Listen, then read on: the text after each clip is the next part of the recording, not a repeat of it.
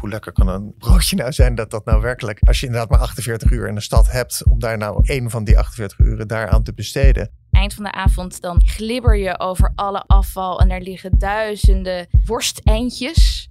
Die zei van ja, ik ben meer bezig met de mayonaise uit mijn winkel houden dan met het verkopen van mooie kleren. Wie door het centrum van Amsterdam loopt, stuit tegenwoordig regelmatig op een wachtrij waar zelfs de Efteling bang van zou worden. Aan het einde van de rij is er echter geen ritje in een achtbaan, maar een patatje met kaas of een crispy hotdog. Hoe ontstaat zo'n hype eigenlijk? Zijn ondernemers er wel blij mee? En waar stonden Amsterdammers in de 19e eeuw voor in de rij? In Amsterdam Wereldstad, een podcast van het Parool, bespreken we het Amsterdams fenomeen en geven we antwoord op de vraag: hoe zit dat eigenlijk? Mijn naam is Lorianne van Gelder. Welkom. Laatst liep ik door de, door de stad en uh, ik kwam bij de negen straatjes terecht. En ik zag ineens een rij staan. Gewoon echt een hele lange rij. En ik denk altijd meteen van, nou, er zal dan wel een, een, een BN'er uh, op bezoek zijn. Of, een heel exclusief kledingstuk uh, wordt daar verkocht. Maar toen ik die rij verder volgde, bleek dat niet zo te zijn. Maar was het een, een rij voor een, een patatzaak. En ja, ik, ik kende dit fenomeen eigenlijk helemaal niet. Maar als je erop gaat letten, dan zie je dat ineens overal. Dan staan er gewoon rijen voor, voor koekjes. En sinds kort hebben we daar ook een term voor.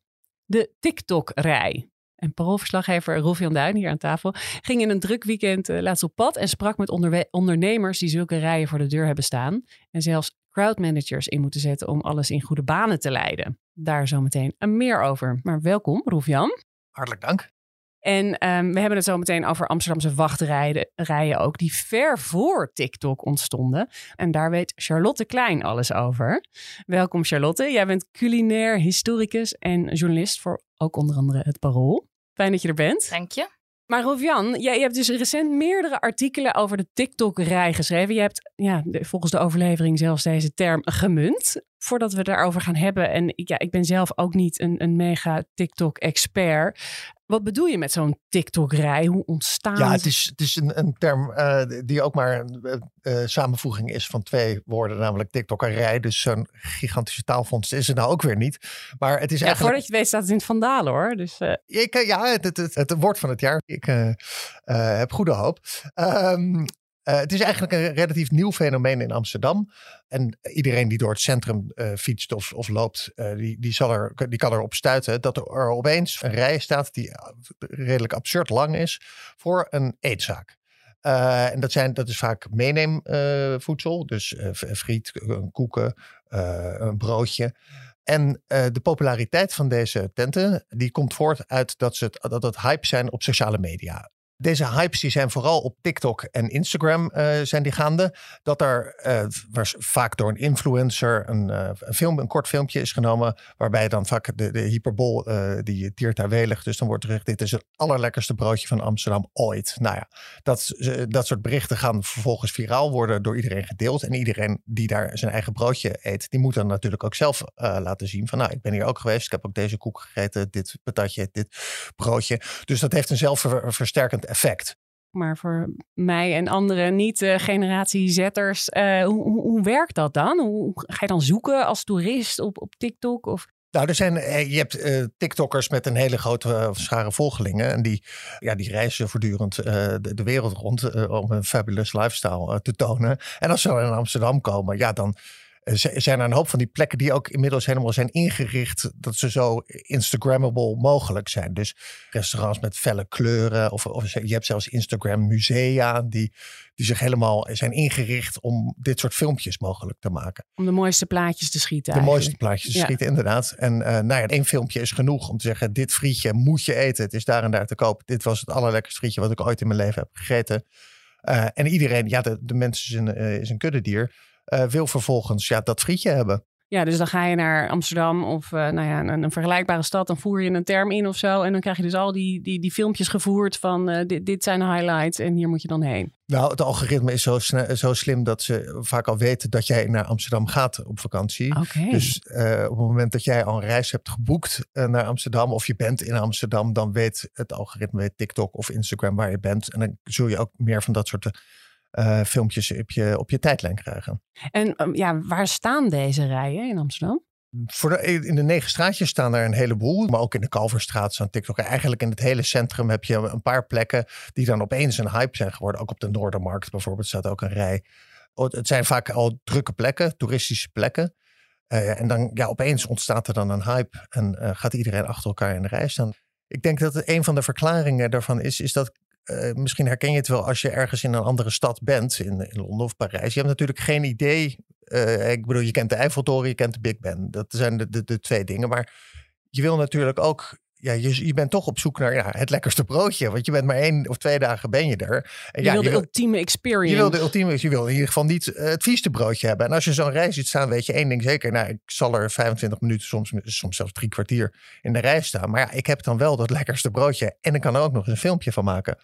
Eh, en op mijn eigen sociale media eh, delen. Dus dat, daar gaat ook een versterkend effect van uit. Ja, precies. En noem eens wat van die, van die plekken. ehm, ja, hoe- wat voor tenten. Je hebt een, Hebben we het eh, over? je hebt een, een, een frietzaak in de negen straatjes die eh, patat verkoopt met kaas erover. Het zijn vaak winkels die één product verkopen, dus dat werkt heel erg goed. Eh, je hebt tussen het spui en het singel heb je een, een koekjeszaak waar rijen van soms meer dan 100 meter voor staan, die ook tot aan de andere kant van de gracht gaan. Je hebt ook in de negen straatjes een, een broodjeszaak. Die, die- en daar staat ook een, een gigarij. En eh, veel van deze eh, tenten die eh, hebben zelfs crowd managers hebben die, eh, ingehuurd. Dus dan lopen er drie, vier mensen met hashjes rond die die rij in goede banen leiden. Waanzinnig, alsof je in de Efteling staat. Als je Dus- ja, vooraan de rij is, kan je met een QR-code kan je al bestellen wat je wil gaan eten. En als je dan eenmaal in de winkel bent, na heel lang wachten, dan staat het voor je klaar. En dan heb je ook al afgerekend. Dus dat is wat dat betreft ook efficiënt.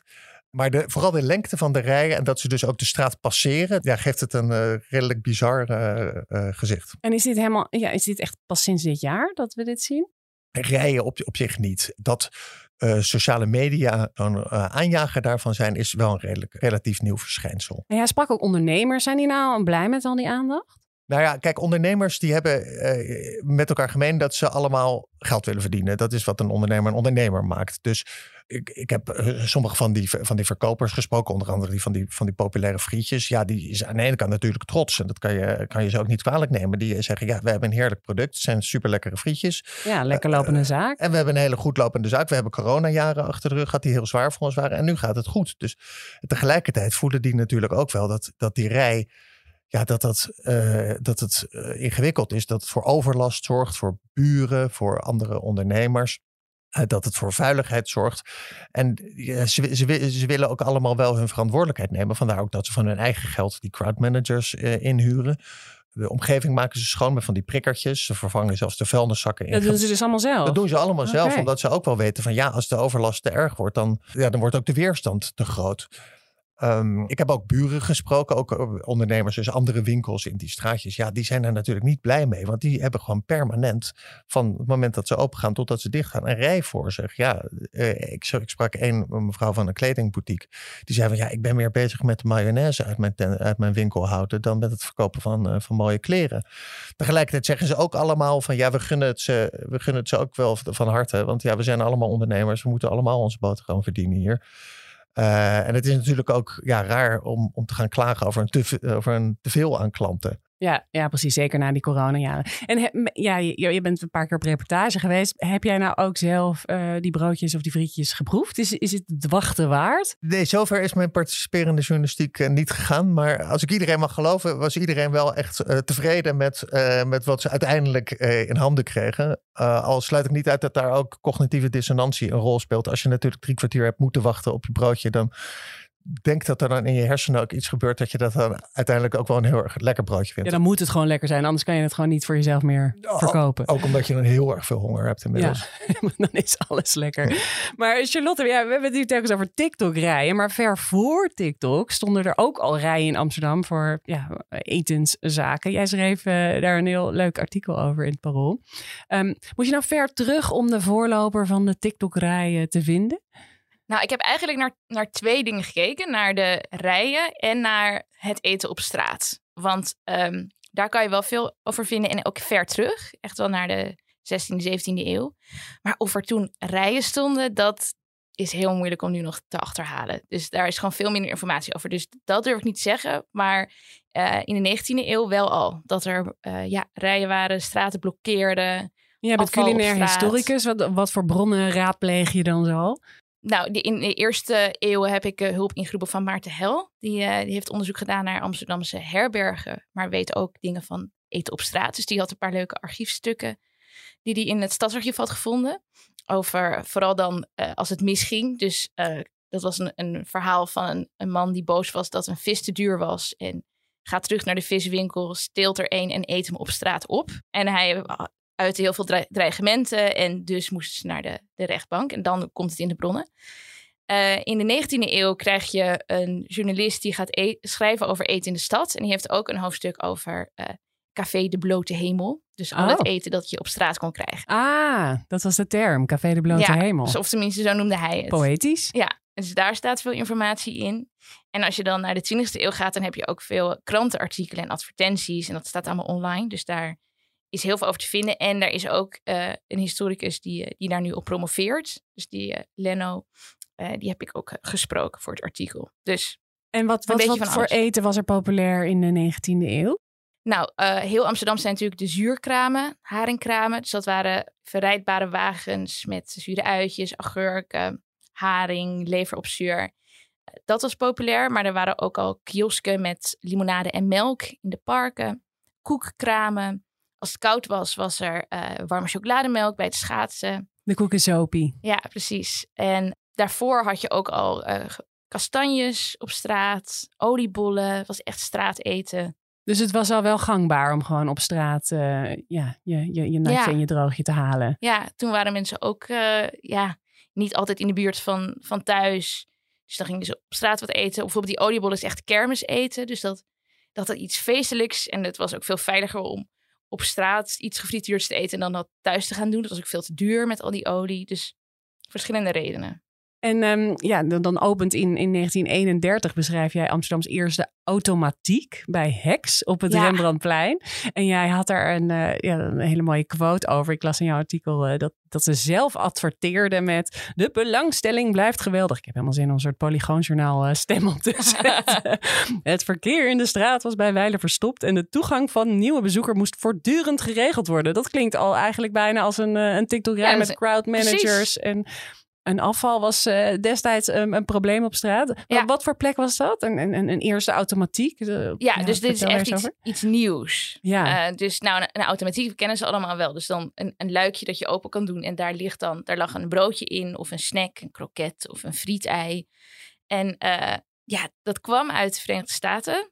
Het werd hier echt omarmd voor een, een snelle hap en later ook echt uitgaans eten na het uitgaan. En mensen die, die wilden dat allemaal een keer proberen. Dus dat maakt het wel wat anders dan de rijen nu. Want het is niet, ja, je kan, kan natuurlijk in Amsterdam heel veel plekken friet eten. Maar dit was iets, ja, iets nieuws. Iets bijzonders. Iets moderns. ja, de technologie, daar, daar was men van in, onder de indruk. Het was ook, het had heel erg uh, die nieuwe automatiek en later ook de snackbars kregen heel erg uh, um, belangstelling omdat ze ook zo hygiënisch waren. Dus het waren schone plekken met, met tegels, helemaal wit. Dat was ja, een hele andere associatie dan wij nu hebben met dat soort plekken. Maar dat werd ook geroemd om de moderniteit. Ja. En waar stonden Amsterdammers verder nog voor, voor in de rij? Nou, je had in die tijd had je ook uh, broodjeszaken. Uh, die waren ontstaan vanuit slagerijen. Dus je, de slager verkocht vlees en die begonnen ook de vleeswaar op broodjes te verkopen. Daar is Leno helemaal ingedoken, waar ik het net over had. En uh, zij gingen die broodjes verkopen en dat gebeurde binnen, maar mensen gingen ook buiten staan. En uh, vooral heel veel Joodse slagerijen werden broodjeszaken. Dus heel Amsterdam ging op zondag naar de Joodse buurt om broodjes te eten. Want de rest van de stad was, oh, de rest was, dicht. Ja, ja. En dus dat was een hele belevenis, uh, vertelde hij. en, en werd er destijds ook, zeg maar, want er wordt niet altijd even positief over TikTok-rijen gesproken. Eten op straat uh, wordt ook niet door iedereen gewaardeerd. Hoe werd er destijds over gesproken? Nou, er werd ook wel geklaagd over, over de rommel. En dan zeker, er is uh, de Nieuwe Nieuwe Straat, daar zaten vijf broodjeszaken snackbars. En uh, daar was een journalist in de jaren 50 die daarover schreef van nou, aan het eind van de avond dan glibber je over alle afval en daar liggen duizenden, wat, wat zeiden ze nou, worsteindjes 2500 Worsteindjes. worsteindjes. Dus je kon Oh. blijkbaar worsten eten en dan had je het eindje, dat gooide je dan op straat. Oh ja. Dus dat werd een ongelofelijke vieze boel. Dus daar werd wel over geklaagd. Ja, En dan regende het en dan was het gewoon een soort eh, een glijpartij. ja vieze worsteindjes. vette- Ja, derry. Oh, lekker goor. Maar was er ook een soort dédain, zeg maar, tegen van... Ja, je hoort niet op straat te eten.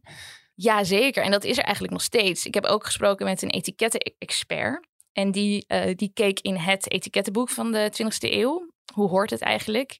En eh, de versie van haar, dat was uit de jaren 30, geloof ik. Ja, en daar, nou, daar is het nog helemaal niet. eh, ik bedoel, eten op straat, dat deed je echt niet. Dat kon niet. Dat was een privé iets, dat ging je voor naar binnen. Ze zei dat het aan het veranderen is, maar zij vond dat het nog steeds echt niet kon. En, en nou ja, die TikTok-rij, die, eh, die veroorzaakte ook heel veel eh, nou ja, lezersreacties eh, in, het parool. We kregen re- reacties binnen als dat, dat, dat de buurt verloedert in hoog tempo door die TikTok-toeristen. En TikTok is de tikkende tijdbom onder het succes van de negen straatjes. ja, ben jij het er maar eens? Eh, Nou ik denk dat het ook gewoon een nieuwe term is voor hetzelfde probleem. Namelijk dat het te druk is in Amsterdam. Dat er te, veel toerisme is. Dat er, dat er eigenlijk het centrum kraakt onder de grote hoeveelheid mensen dat daar naartoe komt. Eh, dat het eh, zich nu bijvoorbeeld richt op die TikTok-rij in de negen straatjes is wat dat betreft niet zo raar. Wat, wat de negen straatjes gemeen hebben met bijvoorbeeld de Wallen, is dat het ook vrij priegelige kleine straatjes zijn waar een beperkt aantal mensen in kan. En daarboven is het, wordt het dan gewoon vol. En dat zie je dus ook terug in de ergernis over deze rij. Ik denk dat, die, dat het eigenlijk niet zo zeer gaat over die rijen, want dat is een redelijke, ja, het, ziet er, het is vrij georganiseerd. En, nou, je kunt ook zeggen, ze staan tenminste in de rij. ze staan tenminste in de rij, inderdaad. Maar het is natuurlijk een gebied dat niet zo heel veel kan hebben. Ehm, en dat is natuurlijk het grote probleem in Amsterdam. Dat is de algehele drukte. En dit is daar gewoon een nieuwe uitwas van.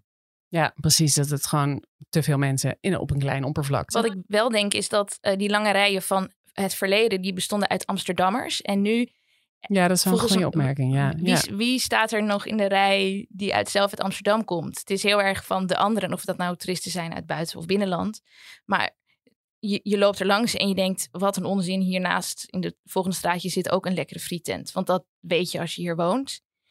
Dus het, het is iets dat heel erg niet meer bij je eigen stad hoort misschien. Dat dat sentiment ook heel erg meespeelt. Ja, dat het wordt overgenomen door bezoekers. Ja, ja. Die, die hun stempel drukken en, en, en pretenderen te weten wat het lekkerste is. Nou, eigenlijk is het ook wel gek, want, want TikTokkers die beweren dat daar dan, nou ja, dat dat het allerbeste is wat je in Amsterdam kan eten. Terwijl Amsterdammers daar vaak niet eens heen gaan. Dus dat is denk ik ook de, iro- de ironie van, ja, eh, van deze nieuwe manier van toerisme. En ik denk dat je, als je bijvoorbeeld kijkt naar hoe toeristen aan hun informatie komen, dan was dat vroeger ging je naar de VVV en die bepaalde van nou, daar moet je naartoe, daar is de nachtwacht. Daarna kwam, kwamen reisgidsen en ook natuurlijk de Lonely Planet. De Lonely Planet richtte zich ook al meer op een soort van independent reiziger. Eh, de, en de ongebaande paden die Precies, uiteindelijk precies. heel gebaand werden. daarom, daar, daar heb je alweer diezelfde ironie. En daarna kwam TripAdvisor, wat eigenlijk meer een soort van wisdom of the crowd was. Dus met z'n allen, eh, eh, ja, laten we zien wat, wat de beste plekken zijn in een stad. En daarna heb je een, een tijd gehad wat nu nog steeds wel bestaat. Dat zijn die kleine blogs die vaak zo'n soort van sierlijk lettertype hebben. Die dan pretenderen van dit is waar de echte eh, mensen uit Parijs of uit Amsterdam of uit de echte Berlijners. Die gaan hier uit eten. Door sociale media is het eigenlijk meer het algoritme wat bepaalt waar mensen al massaal heen moeten. En ja, wat al deze dingen gemeen hebben is dat ze allemaal pretenderen inderdaad eh, van ja, dit is een onontdekt plekje. Maar omdat zoveel mensen het lezen, is het daardoor direct al niet meer eh, onontdekt en gaat iedereen erheen. En heel veel van die blogs die zetten ook in om een soort van live like a local gevoel. Eh, en ja, wat je net zegt, eh, die locals die gaan er natuurlijk al lang niet meer naartoe, want die zien ook die rij staan en die weten van ja, en, hier verderop kan ik een, een- precies zo'n frietje krijgen. Dus het staat wat dat betreft wel voor een nieuwe vorm van toerisme. En is, is, is er ook nog een factor van, want influencers worden soms ook wel gekocht, zeg maar, die, die worden gesponsord. Zit daar ook nog een factor in van dat het niet helemaal ja, echt de authentieke experience is, maar gewoon eh, Ja, en er zijn ook al. geld toegeschoven, zeg ja, er zijn natuurlijk ook, inmiddels ook, ook eh, kantoortjes, eh, PR-bureaus zijn daar opgesprongen. En die weten natuurlijk ook wel hoe een succesvol TikTok-filmpje werkt. Ik denk dat het ongeveer, dat er nog steeds wel een deel geluk bij is. om je filmpje viral te laten gaan. Je hebt ook nog steeds wel eens dat er dan een, een of andere grote filmster naar Amsterdam is gegaan. En die heeft dan ergens een broodje gegeten. We hebben het een keer gehad op het Museumplein toen volgens mij de vrouw van Justin Bieber wil ik vanaf zijn. Uh, en, en een worst daar kocht. En zei van, dit is de beste worst uh, ooit. Dus en, sowieso altijd de beste. Of de altijd, lekkerste. Ja, precies. Ja. En toen stond Alsof daar ze ook... er tien hebben geproefd. Ja. ja. Niet eens. Ja. ja, en toen stond daar ook uh, de dag daarna een gigarij. Um, enige hoop is wel voor de omwonenden en de bewoners dat het zijn vaak hypes. En hypes hebben ook de neiging om weer voorbij te gaan. Dus het zou ook zomaar kunnen dat over een half jaar is er weer een andere hype. En dan staat ieder, iemand, staat de hele rij voor een andere broodjes. Ja, is gewoon net weer een, straatje verder die er last van heeft. Maar, uh, maar Charlotte, ja, in principe hebben wij ook uh, met het parool zo'n tendens. We hebben proefwerk met Mara Gim. Als zij een heel positieve ja. recensie schrijft over een restaurant, dan is het daar ook super vol. Of hele populaire broodzaken. Wat, wat, wat voor wachterijen ken jij daarin? dat is veel meer lokaal. Ja, klopt. Ja, en dat is eigenlijk een, eenzelfde soort iets natuurlijk dat ook de vaste gasten daar helemaal niet zo blij mee zijn. En de ondernemer ligt eraan, soms wel, soms niet. Ik had laatst ook een uh, interview gedaan bij een restaurant. En uh, zeiden ze, nou, ik hoop toch niet dat het drukker wordt. En toen dacht ik, nou, oh, nou ik, ik denk het wel als het in de krant staat. Uh, ja, dat is vaak zijn ondernemers er heel blij mee. Maar je hebt het wel eens dat ze het liever niet willen, omdat ze vaste gasten gaan kwijtraken. Maar goed, dan, dan hebben we dus al die rijen en uh, dat is vervelend voor omwonenden. Uh, doet de gemeente hier eigenlijk iets tegen, Rolf-Jan, tegen die overlast? Ik, ik heb de gemeente meerdere malen benaderd voor een reactie hierop. En die zeggen ook van ja, wij kunnen hier eigenlijk niet zoveel aan doen. Wij zijn bezig met een, met, een aanpak van, van toerisme en overtoerisme. En de, de, de wallen aanpak is natuurlijk een, een dossier waar ze al jaren mee bezig zijn. Maar dit hele specifieke punt, ja, daar, daar kunnen ze, ze kunnen daar eigenlijk niet zoveel mee. In Florence heeft het gemeentebestuur wel ingegrepen. Daar mag je op bepaalde uren in vier straten in het centrum niet op straat eten. Gewoon helemaal niet eten? Nee, moet je, moet je de doorlopen wegwezen of inderdaad ergens gaan zitten. Um, in uh, Venetië geldt dat ook. Uh, daar mag je ook in, op, op bepaalde plekken niet op straat eten. Uh, en eigenlijk zie je dat in de negen straatjes, zie je dat uh, op een ander niveau. Namelijk dat die ondernemers van deze frietent bijvoorbeeld, die zegt ook uh, tegen alle mensen die dus net een frietje hebben gekocht, jongens, niet voor, niet in portieken gaan staan, niet op stoepjes gaan zitten, niet voor andere winkels gaan staan, doorlopen, wegwezen. want ja, de overlast is te groot. En controleren ze het dan ook echt in Florence en Venetië? Ja, nee, en je krijgt er gepeperde boetes. Oké, okay, dus er staat ook echt ja, politie of zoiets om dat te controleren? Nou ja, dat, ik, ik weet niet hoe streng die handhaving is. Maar ik weet wel dat er ook wordt gewaarschuwd. Uh, uh, van de toeristen worden gewaarschuwd. Doe het niet, want je krijgt volgens mij 400 euro boete. Oh. Ja, oh. ja voor nou, je pizzapunt. Zou dat een oplossing zijn voor Amsterdam? Ja, maar ik weet dus niet uh, of je daarmee werkelijk deze rijen tegen gaat. Uh, ja, het, is niet verboden om, om, een, ja, om een frietje te kopen. Uh, ik kan me ook zo voorstellen dat je daardoor... Dat, het is een hele rigoureuze maatregel. Het is inmiddels volgens mij verboden om op sommige plekken om een jointje te roken op straat ja, als er dan ook nog gecontroleerd moet worden of mensen niet een, uh, een hap van een broodje nemen, dan wordt het wel allemaal heel uh, rigide. Ja, met een gebrek aan handhavers. Ook. Precies, precies. Charlotte, maak jij ooit gebruik van TikTok als uh, gids? Nee, nee. Hoe vind jij nee. de beste broodjeszaak als jij op vakantie Ik bent? probeer naar, altijd Berlijn? via, via, via, via tips te krijgen. En anders probeer ik meer de lokale Maragrim te zoeken dan de, de lokale TikToker. Dat, ik, ik vertrouw iets liever professionals dan mensen die, die meer op misschien op het uiterlijk of op de populariteit afgaan. Ik, ik las ook in, in een van de stukken over die TikTok-rijen dat de fear of missing out, de, angst om iets te missen, groter is dan um, het gevoel dat je iets wil winnen of zo. Om, om even in perspectief te zetten hoe groot dat gevoel is van dat je niks wil missen. En zeker bij zo'n ervaring bij een, bij een stad. Ja, je loopt, je loopt vaak toch een beetje verloren door een stad als je, als je, het, als je het niet kent. En ik denk dat zo'n zo'n rij ook biedt houvast. Het biedt wat, een sense of belonging. Van, nou ja, hier, kennelijk, kennelijk is dit de plek waar ik naar op zoek was. Iedereen staat hier. Ik ben vast niet... Uh, die, die mensen zijn vast niet gek. Uh, en uh, ja, er zijn maar weinig mensen die daartegen bestand zijn. En die dan uh, durven om helemaal hun eigen pad te gaan. En op zoek te gaan naar hun eigen broodje. Ik zou zelf ook altijd zeggen van ja, hoe, hoe, lekker kan een koek nou zijn? Of hoe lekker kan een broodje nou zijn? Dat dat nou werkelijk, als je inderdaad maar 48 uur in de stad hebt. Om daar nou één van die 48 uren daaraan te besteden. Um, maar kennelijk werkt de menselijke psyche toch zo. Ja, Ja, en, en als we nou uh, al die, die rijen zo uh, achter elkaar zetten, letterlijk, uh, stellen we ons nou aan dat, dat, dit, dit fenomeen? Of is dit iets waar we ons wel degelijk druk over moeten maken in Amsterdam? Ik denk dat we ons druk moeten maken over de aanpak van toerisme uh, en over toerisme. De, de, de, en hoeveel mensen er in de stad zijn. En als je op drukke weekends uh, in de, in de zeker, ik ben in, in Pasen ging, heb ik dan een reportage gemaakt. Ja, dat is, dat, daar is de lol wel echt vanaf. Dat is zo ontzettend druk dat, dat, dat mensen, dat je, je kan daar eigenlijk nauwelijks meer over, over de stoep lopen. Uh, tegelijkertijd zijn er ook andere dagen. Als je op dinsdagochtend in de negen straatjes kijkt, dan is dat prima. En dan kan je daar prima shoppen. Maar ik denk dat de ergernis, uh, dat, dat de TikTok-rij aan zich niet een groot probleem is, maar dat uh, overtoerisme in Amsterdam wel degelijk een probleem is. Het is een symptoom eigenlijk en niet het probleem, ja. die rijen. Ja, je zou nog wel die TikTokkers kunnen inzetten om de boel te spreiden of zo. Dat was op een gegeven moment zo'n magisch woord voor uh, over toerisme. Dat je dan. Uh, dat je diep in Osdorp ook een, uh, een tik. Ja, ja, ja. Nee, mag je op hopen dat daar dan ook iets ja. viral gaat. Ja, ja dan, dan, dan moet we de marketingafdeling van de gemeente een leuke influencer inzetten. Nou, geven ze bij deze een taartje. Ja. Goed, mag ik jullie hartelijk danken voor deze TikTok-rij-analyse. Rolf-Jan Duin en Charlotte Klein. Dit was de Amsterdam Wereldstad, de podcast van Parool. We bestaan deze week toevallig precies een jaar. dus dat, uh, nou ja, dankjewel. Dat, uh, dat verdient wel een koep of een, uh, een frietje met kaas. de productie werd gedaan door Verena Verhoeven en de eindredactie door Josien Wolthuizen. Rinky Bartels maakte de muziek en het artwork is van Sjoukje Bierma. Wil je nou de stukken van Rolf-Jan en Charlotte lezen? Zou ik zeker doen, want dat geeft weer meer inzicht. Ga naar parool.nl of download de Parool-app of ga naar onze show notes. Reageren of vragen stellen kan via podcast.parool.nl. Hartelijk dank voor het luisteren en tot volgende week.